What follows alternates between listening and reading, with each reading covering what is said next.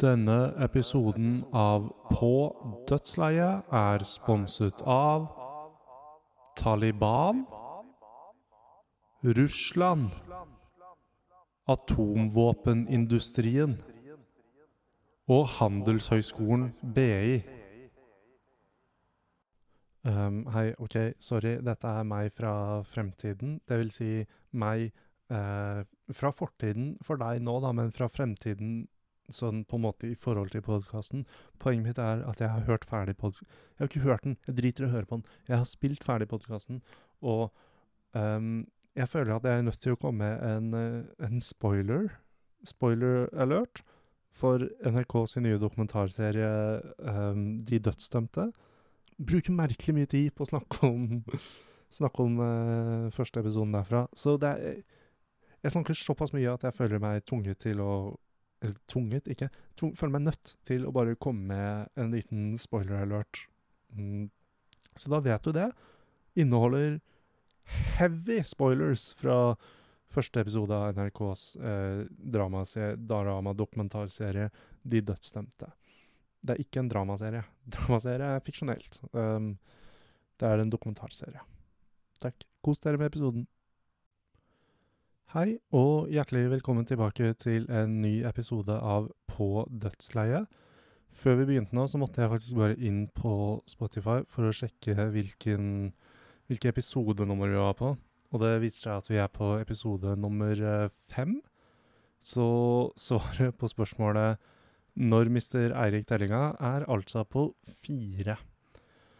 Uh, episode fem tror jeg på en måte blir et sånn lite skille for min del. Uh, for nå skal jeg gi meg. Nei, ha-ha. Ha-ha. Ha-ha! Nei, uh, jeg skal ikke gi meg helt ennå. men episode fem tror jeg er tangering av rekord for min del, når det kommer til hvor mange episoder det blir av en podkast. Så jeg har jo, for de som er litt kjent med min law, uh, hatt to podkastprosjekt tidligere. Og hvis jeg ikke husker helt feil, så stoppa den ene på nummer fire, og den andre på episode nummer fem. Så derfor er jo dette litt sånn uh, Et uh, litt sjukt øyeblikk. Ikke like sjukt som en eventuell sjette episode blir. Det blir en liten sånn jubileumsfestsending. hvis jeg i det hele tatt kommer meg dit. Men progresjonen fra tidligere podkaster har jo vært For den første kom jeg til nummer fire, og den her og den forrige til nummer fem. Så da kom jeg vel til uh, The Funny Number Six. det er også um, samleie, da. Uh, så jeg kommer vel dit da til ved neste Det er vel der denne podkasten gir seg, det jeg prøver å si. Um, dette er ikke den beste dagen for meg å spille inn podkast, rett og slett fordi jeg er litt sjuk. Uh, jeg har blitt um, fått den uh, tunge, tunge beskjeden at uh, jeg skal dø av kreft om en uke. Så hvis podkasten er litt dårlig, så er det det jeg skylder på, da. At jeg rett og slett er litt, er litt ute av det, da. det var enten det, eller så er det bare en vanlig liten miniforkjølelse. Men eh, legen sa at det var eh, kreft da jeg holdt oppe en telefon og trua henne. Til denne episoden så har jeg faktisk lagd en, eh, lagd en liten plan. Så eh, der jeg på en måte i første episode sa at jeg var skikkelig dårlig forberedt, og så ble det en litt sånn running gag at jeg var skikkelig dårlig forberedt til alle, og det ble liksom bare verre og verre og verre. Litt som um, Nei, eh, det kommer faktisk ikke en vits at det er eh, sånn, uh, sånn sexlivet mitt er. Um, det bare blir verre og verre. Det, hadde, det, det, det blir det ikke. jeg trenger ikke å gå i mer detalj enn det, men sånn Jeg syns ikke, ikke, det blir verre og verre, da.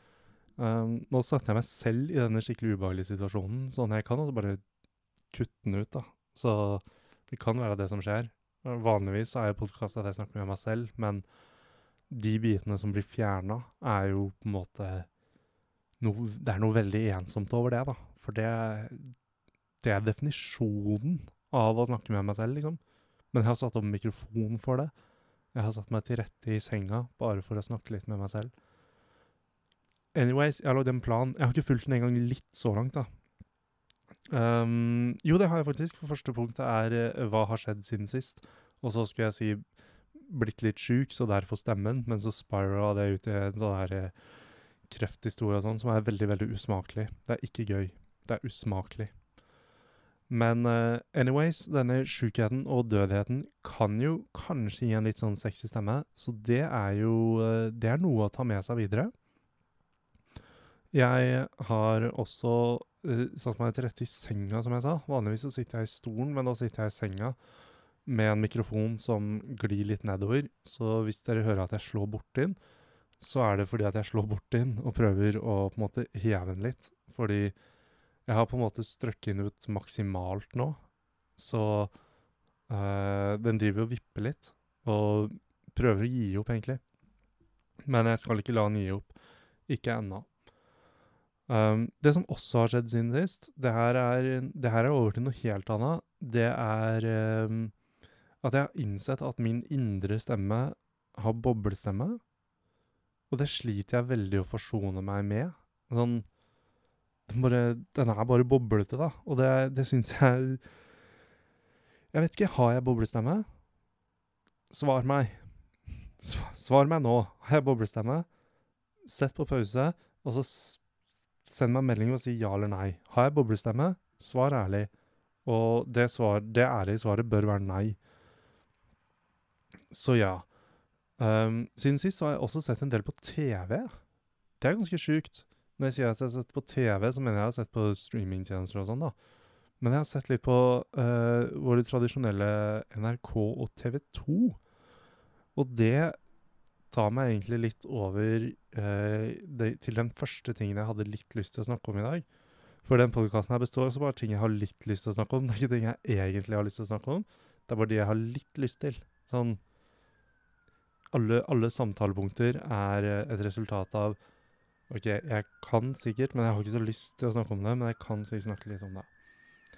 Anyways, nå kjører det en ambulanse forbi. Skal vi høre på den sammen?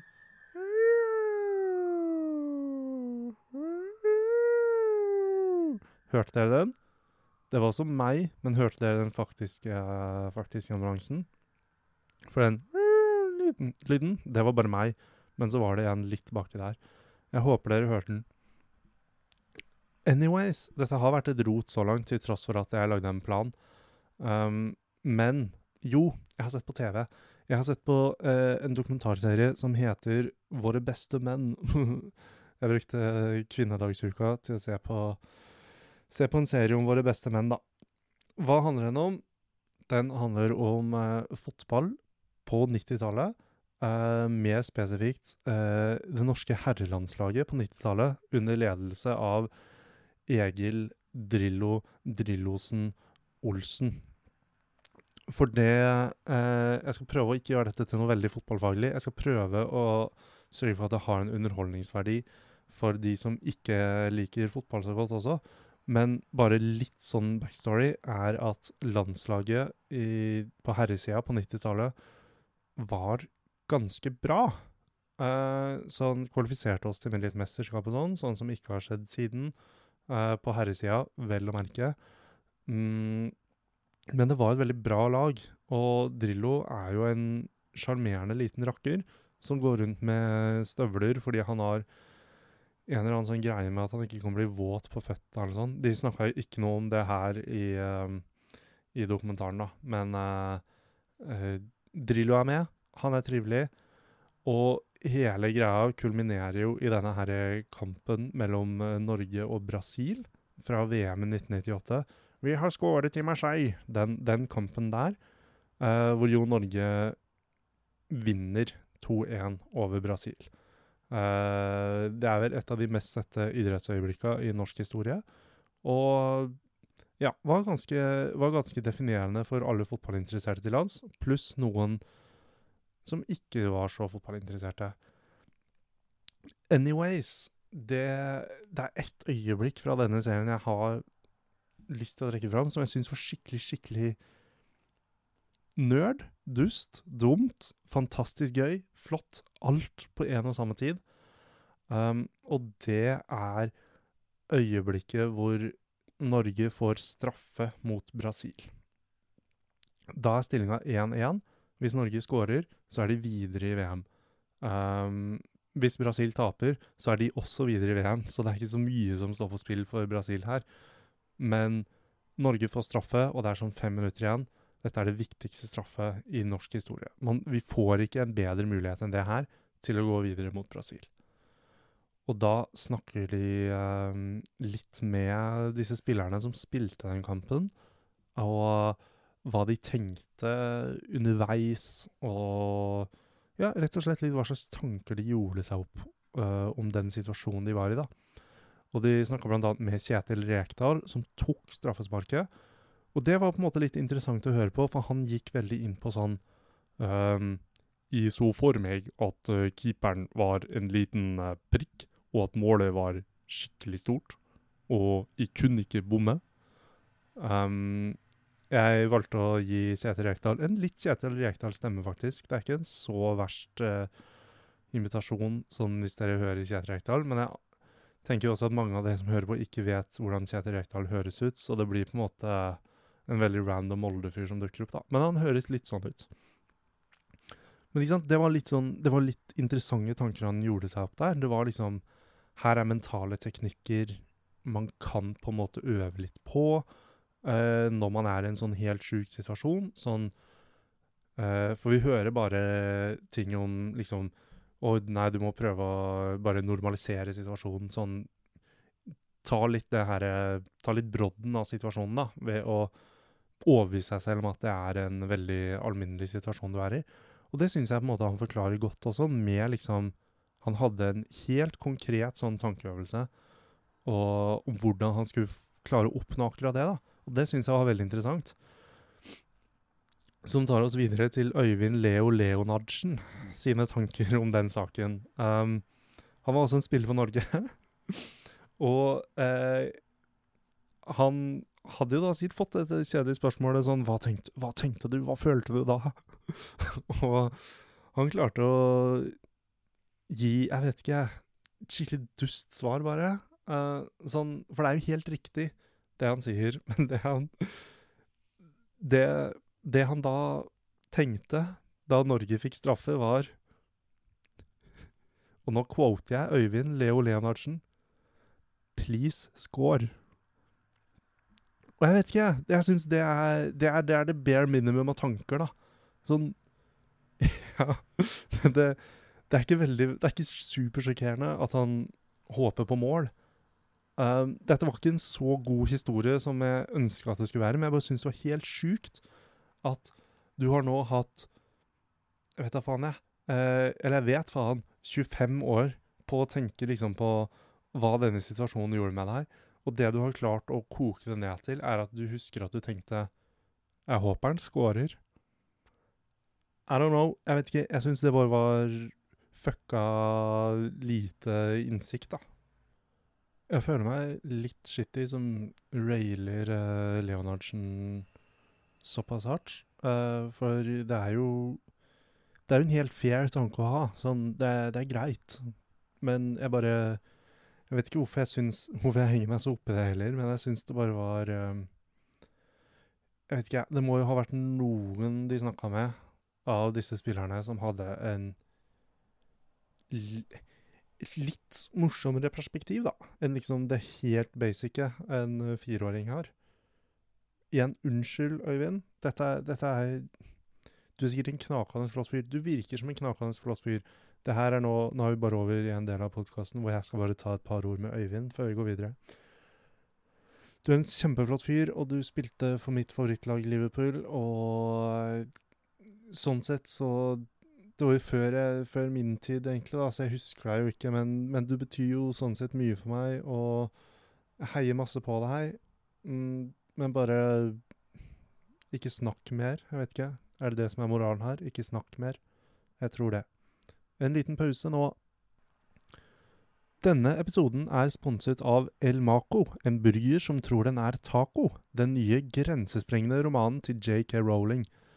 Etter braksuksessen Harry Potter og den mindre braksuksessete Fabeldyr og hvor de er å finne, kommer en helt ny, original historie fra Joanne. Denne gangen følger vi burgeren Mako, som til tross for å se ut som en burger, og oppfører seg som en burger, tror den er en taco. Historien sparkes i gang da Mako bruker tacotoalettet da han er ute på stevnemøte med den vakre tacoen Santa Maria. Trøbbel oppstår i denne vakre historien om å akseptere hvem du er, og at samfunnet ikke lenger trenger å endre seg, og at alt er fint. Høres ut som en flott bok, det. Tror dere disse sponsorinnslagene mine er på en måte et forsøk på å være litt satirisk om eh, noe politisk og aktuelt? Jeg tror ikke det. Anyways, jeg har sett mer på TV, ikke bare TV2, for jeg har også sett på NRK. Og der har det kommet en ny dokumentarserie som heter De dødsdømte. Denne dokumentarserien handler om de dødsdømte. Mer spesifikt, de siste vi henretta eh, Nå sier jeg vi som vi i Norge. Eh, ikke tro at jeg personlig var en del av det her. Jeg er da ikke så gammel. Jeg er da, bare, jeg er da født i 97. Ja. Dette skjedde i 45, 46 og til en viss grad 47. Så det skjedde jo 50 år før min levetid. Så jeg har virkelig ingenting med det her å gjøre. Uansett, den serien handler om, handler om disse dødsdømte, og litt eh, historien og hvordan de havna der. Det er en serie som er som skapt for meg, for jeg er så glad i krigen. Ho, ho, ho, jeg koser meg sånn med krigen. Um, og på et litt mindre tøysete måte så syns jeg krigen er en veldig interessant periode. Uh, ikke sånn Jeg bryr meg ikke så mye om våpenhistorie og sånn. Det er ikke så jævlig farlig for meg hva slags våpen de brukte for å skyte hverandre.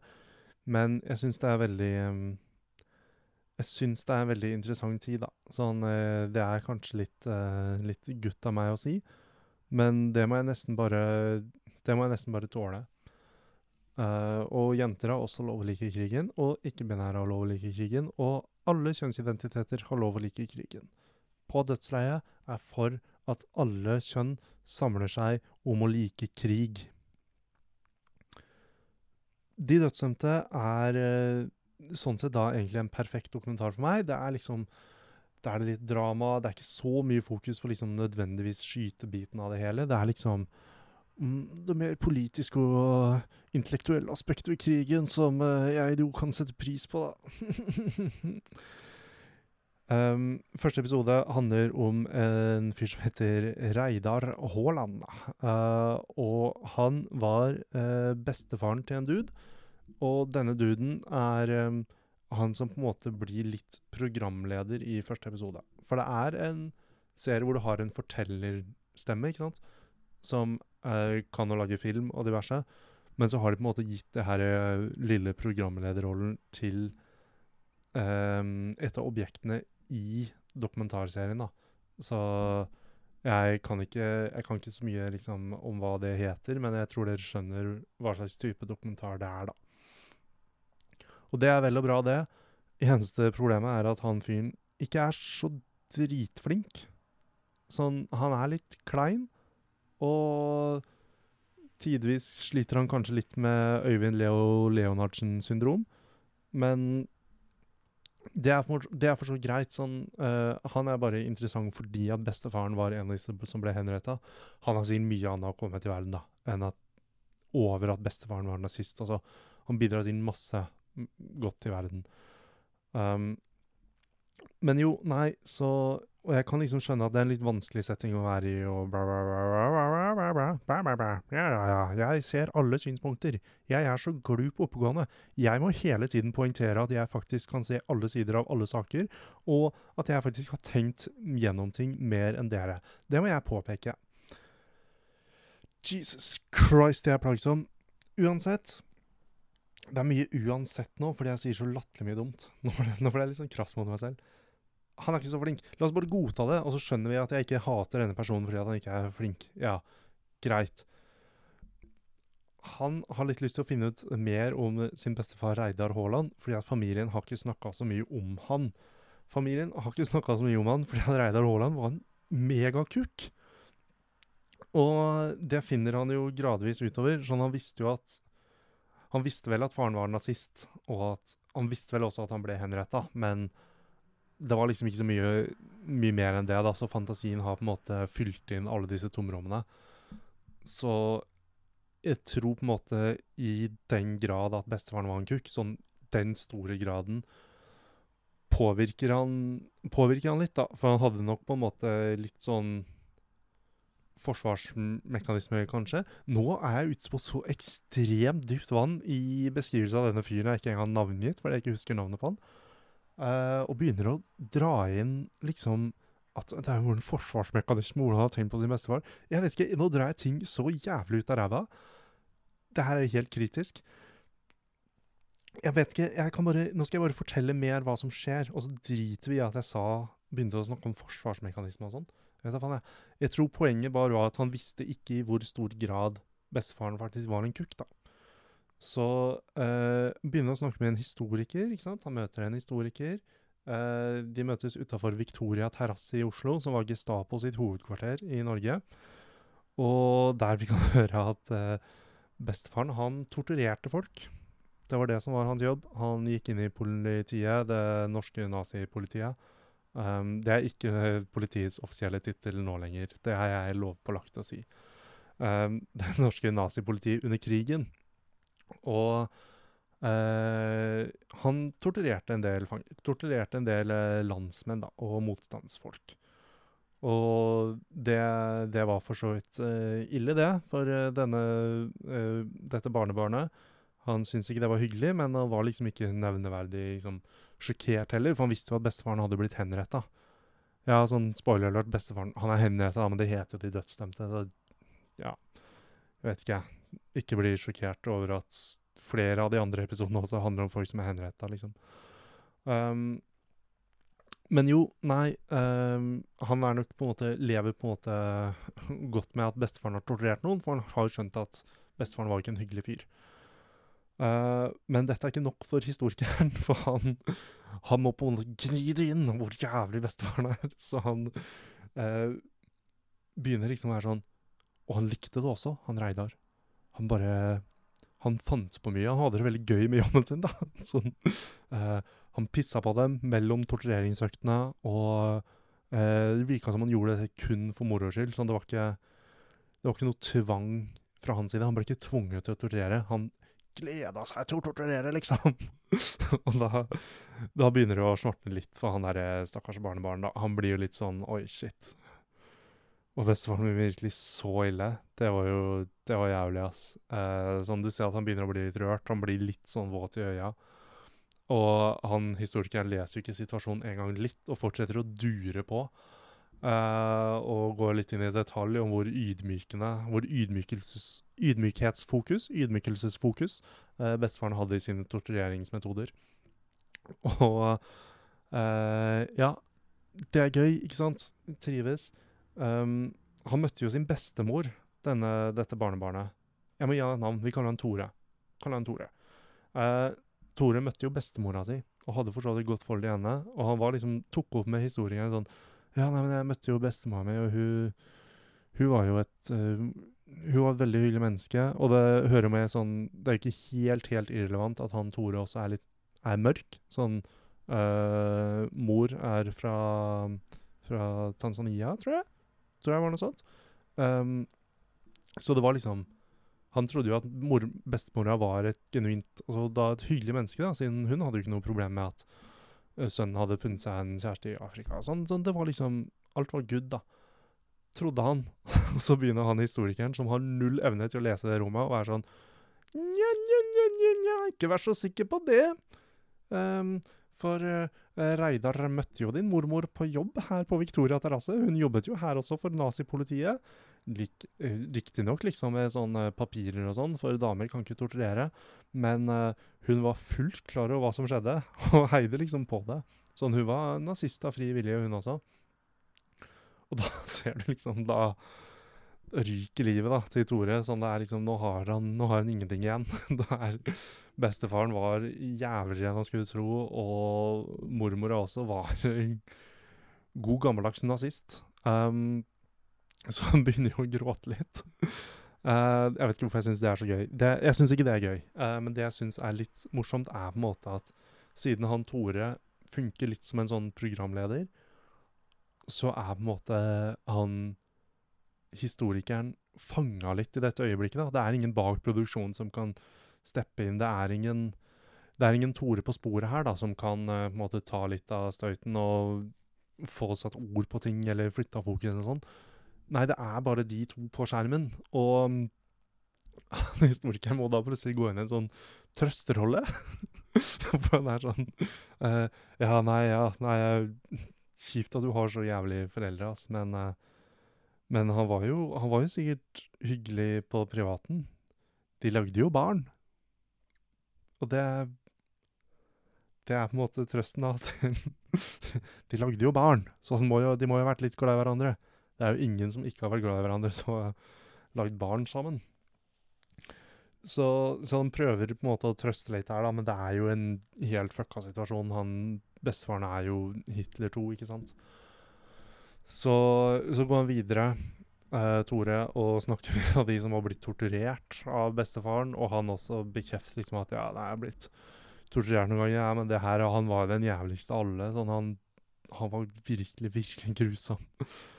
um, og da slår Tore seg på en måte til ro med at ja, nei eh, Bestefaren min var jævlig, eh, men uh, Faren min bytta jo navn, sånn han orka ikke å ta familien han videre. Det, jeg kan ikke noe for det. sånn, Jeg legger det her litt bak meg. Jeg må bare akseptere at bestefaren min var jævlig.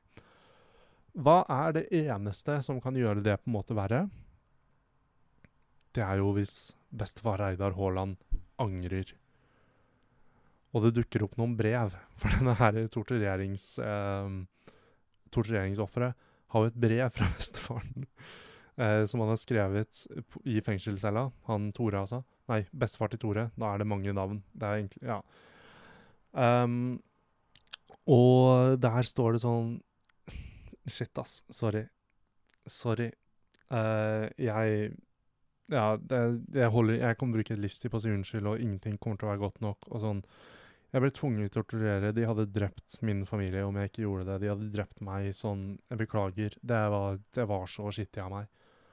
Um, så det er det ene brevet. Det dukker jo også opp et til, uh, som han har skrevet til kongen, hvor han er sånn uh, Jeg fortjener den dødsdommen jeg har blitt gitt. Det, jeg godtar den, og jeg kommer ikke til å slåss den veldig. Grunnen til at jeg sender brev, er bare egentlig for å høre om det i det hele tatt er mulig å gjøre om denne dødsdommen til uh, livstid i fengsel, og sånn, så jeg bare kan bruke livet mitt på å si unnskyld til så mange. Så det er så mange Jeg har så mye uoppgjort når det kommer til å på en måte be om tilgivelse. Ikke at jeg fortjener det, men jeg vil i hvert fall ha, jeg vil i hvert fall ha muligheten til det. Um, og det skjer jo ikke. Han blir jo, han blir jo drept. Igjen, sorry. Det er kanskje en spoiler. Sorry. Uh, men det er liksom Og da kommer jo tårene tilbake til Thor, ikke sant? For det er da en fyr har fått vite at det er 140 000 ganger jævligere enn det han trodde han var. Og så appåtil så er det en genuin anger der på slutten. Sånn, det er liksom Ja, jeg vet ikke. Jeg likte Sench veldig godt. Eh, ni uh, av ti vil se de neste episodene også. Uh, kan anbefale den. Trenger jeg kanskje ikke å Trenger jeg kanskje ikke å se episode én, for den føler jeg på en måte jeg har gått litt igjennom. Men ja jeg har generelt vært i eh, et litt sånn dokumentarmodus i det siste, så jeg så også dinosaurdokumentarer på YouTube. For jeg liker veldig godt dinosaurer. Jeg, jeg begrunner hvorfor jeg ser på disse podkastene. Jeg så fotballpodkast, for jeg liker fotball. Så krigspodkast, for jeg liker krigen. Så dinosaurdokumentar, for jeg liker dinosaurer. Jeg er så jævlig Øyvind Leonardsen sjøl, vet du. Jeg har én hjernecelle som jobber med begrunnelse her. Og det er bare sånn Hvorfor gjorde du det? Eh, fordi jeg likte det tøft. Stilig. Jeg, jeg er bare en please score-gutt sjøl. Jeg jobber med å bli enten en toggutt eller dinosaurgutt, og jeg lener litt mot dinosaurgutt. Mm, den dokumentaren jeg så Det er hardt å kalle det dokumentar, det var en ti minutter YouTube-video. Nå trenger jeg ikke å oppkjøre alt til noe det ikke er. Uh, det handla om minuttene etter at uh, den meteoren, eller meteoritten, eller asteroiden, eller hva det nå heter, uh, traff jorda. Jeg vet egentlig litt hva det heter. Jeg syns det er veldig kult å vite litt hva det heter. Nå bare husker jeg ikke. Jeg likte bare ikke hvor um, Hvor care jeg var med at jeg ikke visste. bryr meg ikke. Sånn, jeg bryr meg. Jeg bare husker ikke, er det som er poenget mitt. Jeg tror det er meteoritt når det er innafor atmosfæren, eller et eller annet sånt. De beskrev dette, denne, denne asteroiden, da den traff jorda, som at liksom energimengden som ble ble frigitt, tilsvarer 50 atombomber. Og sånn Jeg aner ikke hvordan én atombombe føles engang. Det, det, er, det er liksom Jeg har klagd litt på det her eh, på Instagram også. Det er egentlig mye her uh, i denne episoden som bare er Instagram story rants. Så følg meg der. Eirik Berg understrek Nei, Eirik Berg 69 understrek 2. Um, men jo, det er bare en så fucka måte å beskrive noe på, for det er sånn Ytterst få her i verden har et forhold til hvordan én atombombe føles ut. Enda færre, ingen, vet hvordan 50 av de føles. Sånn, det er liksom hvordan, hvordan, ganger man noe med 50? Og da mener jeg ikke et tall, men sånn Hvordan ganger du en følelse med 50? Jeg gjorde det i stad nå nettopp, så sa jeg noe med at det var noen følelser ganger 100 her. Så jeg, jeg er jo sånn sjøl også. Men vi er så uærlige i språket vårt, sånn vi skjønner jo ikke ting. Kan ikke heller bare si at det, det, det, er ikke Vi har ikke noe å sammenligne med måten den her eh, måten, Hvordan denne asteroiden føles. Jeg vet ikke. Dette er en merkelig liten sånn pet peeve jeg har hatt den siste uka, men bare si at vi ikke skjønner. 50 atombomber? Jeg vet da faen, jeg! Jeg vet da faen hvordan det er! Hvordan yeah. Atom Jeg kommer ikke til å overleve én. Det er sånn Åh, døde 50 ganger hardere fordi det ble sluppet 50 atombomber. Hæ? Hva betyr det? Hva betyr det? Takk. Det var bare litt om, uh, litt om uh, atom, uh, atombomber og dinosaurdokumentarer. Nå har vi satt ny verdensrekord i podkast her, for nå bikker vi snart 31 minutter. Så helt, helt avslutningsvis så vil jeg bare um, egentlig gå gjennom noen notater. Jeg skal ikke bruke så mye tid på hver av dem, men jeg bare Det her er ting jeg har notert meg, som jeg vil på en måte Jeg vil egentlig bare dele dem. Og jeg kommer, ikke, jeg kommer ikke til å snakke så mye om dem, fordi det er ikke så viktig. Jeg vil bare dele tankene. Tankene må ut. OK? Kult. Det er tre ting jeg har lyst til å si. Det ene er et uttrykk jeg har lyst til å presentere. Uh, et uttrykk man kan bruke for å beskrive stemninga i rommet. Da kan du si at rommet tåler en ape nå. Hvis rommet tåler en ape, da. Sånn, har det vært i en sånn stemning noen gang? Det har det helt sikkert. Men hvor det på en måte Det er skikkelig tøysete. Det er skikkelig tullete. Og tøysenivået er såpass høyt at om det hadde kommet til en ape, så hadde det vært sånn Hei! Og ikke en Oi, hva faen? Det hadde vært en Hei! Ja. Den andre, den er ikke like dum. Dyp. Den er mye dummere. Um, NRK-t. NRK. Den kan NRK få av meg hvis de lager en sånn uh, adult film industry uh, pornokanal. Pornokanal. NRK. Og så uh, har jeg notert litt tanker om folk som ser på deg, hva du liker. Og jeg vet ikke om dette skjer i virkeligheten, men det skjer litt på film og sånn. Jeg har jo brukt litt tid med um, det visuelle media i det siste. Og der er det liksom sånn når du har liksom folk da, som bare er sånn hm, 'Jeg ser på deg at du liker øl.' så er det sånn Hva faen? Hva faen? Stopp med det, da. Sånn, det, det, gjør du ikke. Du kan ikke se på noen Jeg syns det er veldig rart. Sånn, Én ting er å ta imot tips sånn uh, Ja, OK, uh, dette er en øl jeg liker, dette er en øl jeg liker, jeg liker når det smaker litt sånn, bla, bla, bla. Har du noe å anbefale? Det er greit, det er én ting. Men liksom Fuck, for en T-skjorte du har på deg. Du liker faen meg en chardonnay, ass. Skjønner ikke. Dust. Det var egentlig alt jeg hadde å si i dag. Det var alt jeg hadde å si eh, noen gang. Og så eh, håper jeg at dere har vært med helt til slutten. Og hvis dere har vært med helt til slutten, så så syns jeg det er gøy, fordi at første delen var ikke så bra, men jeg tror andre delen kanskje ble litt bra, selv om jeg bruker litt tid på å kjefte på meg selv. Men det er lov. Det er lov å kjefte. Det er av kjeft man blir bedre. Så det er det bare å ta med seg. Um, ha en flott uh, søndag videre. Du kan bare høre den på søndag. Hvis du hører her nå og det ikke er søndag, så vil jeg ikke ha noe mer med deg å gjøre. Da må du sende meg unnskyld. Tusen takk. Ha en flott uh, søndag videre. Kos dere. Ha det på badet.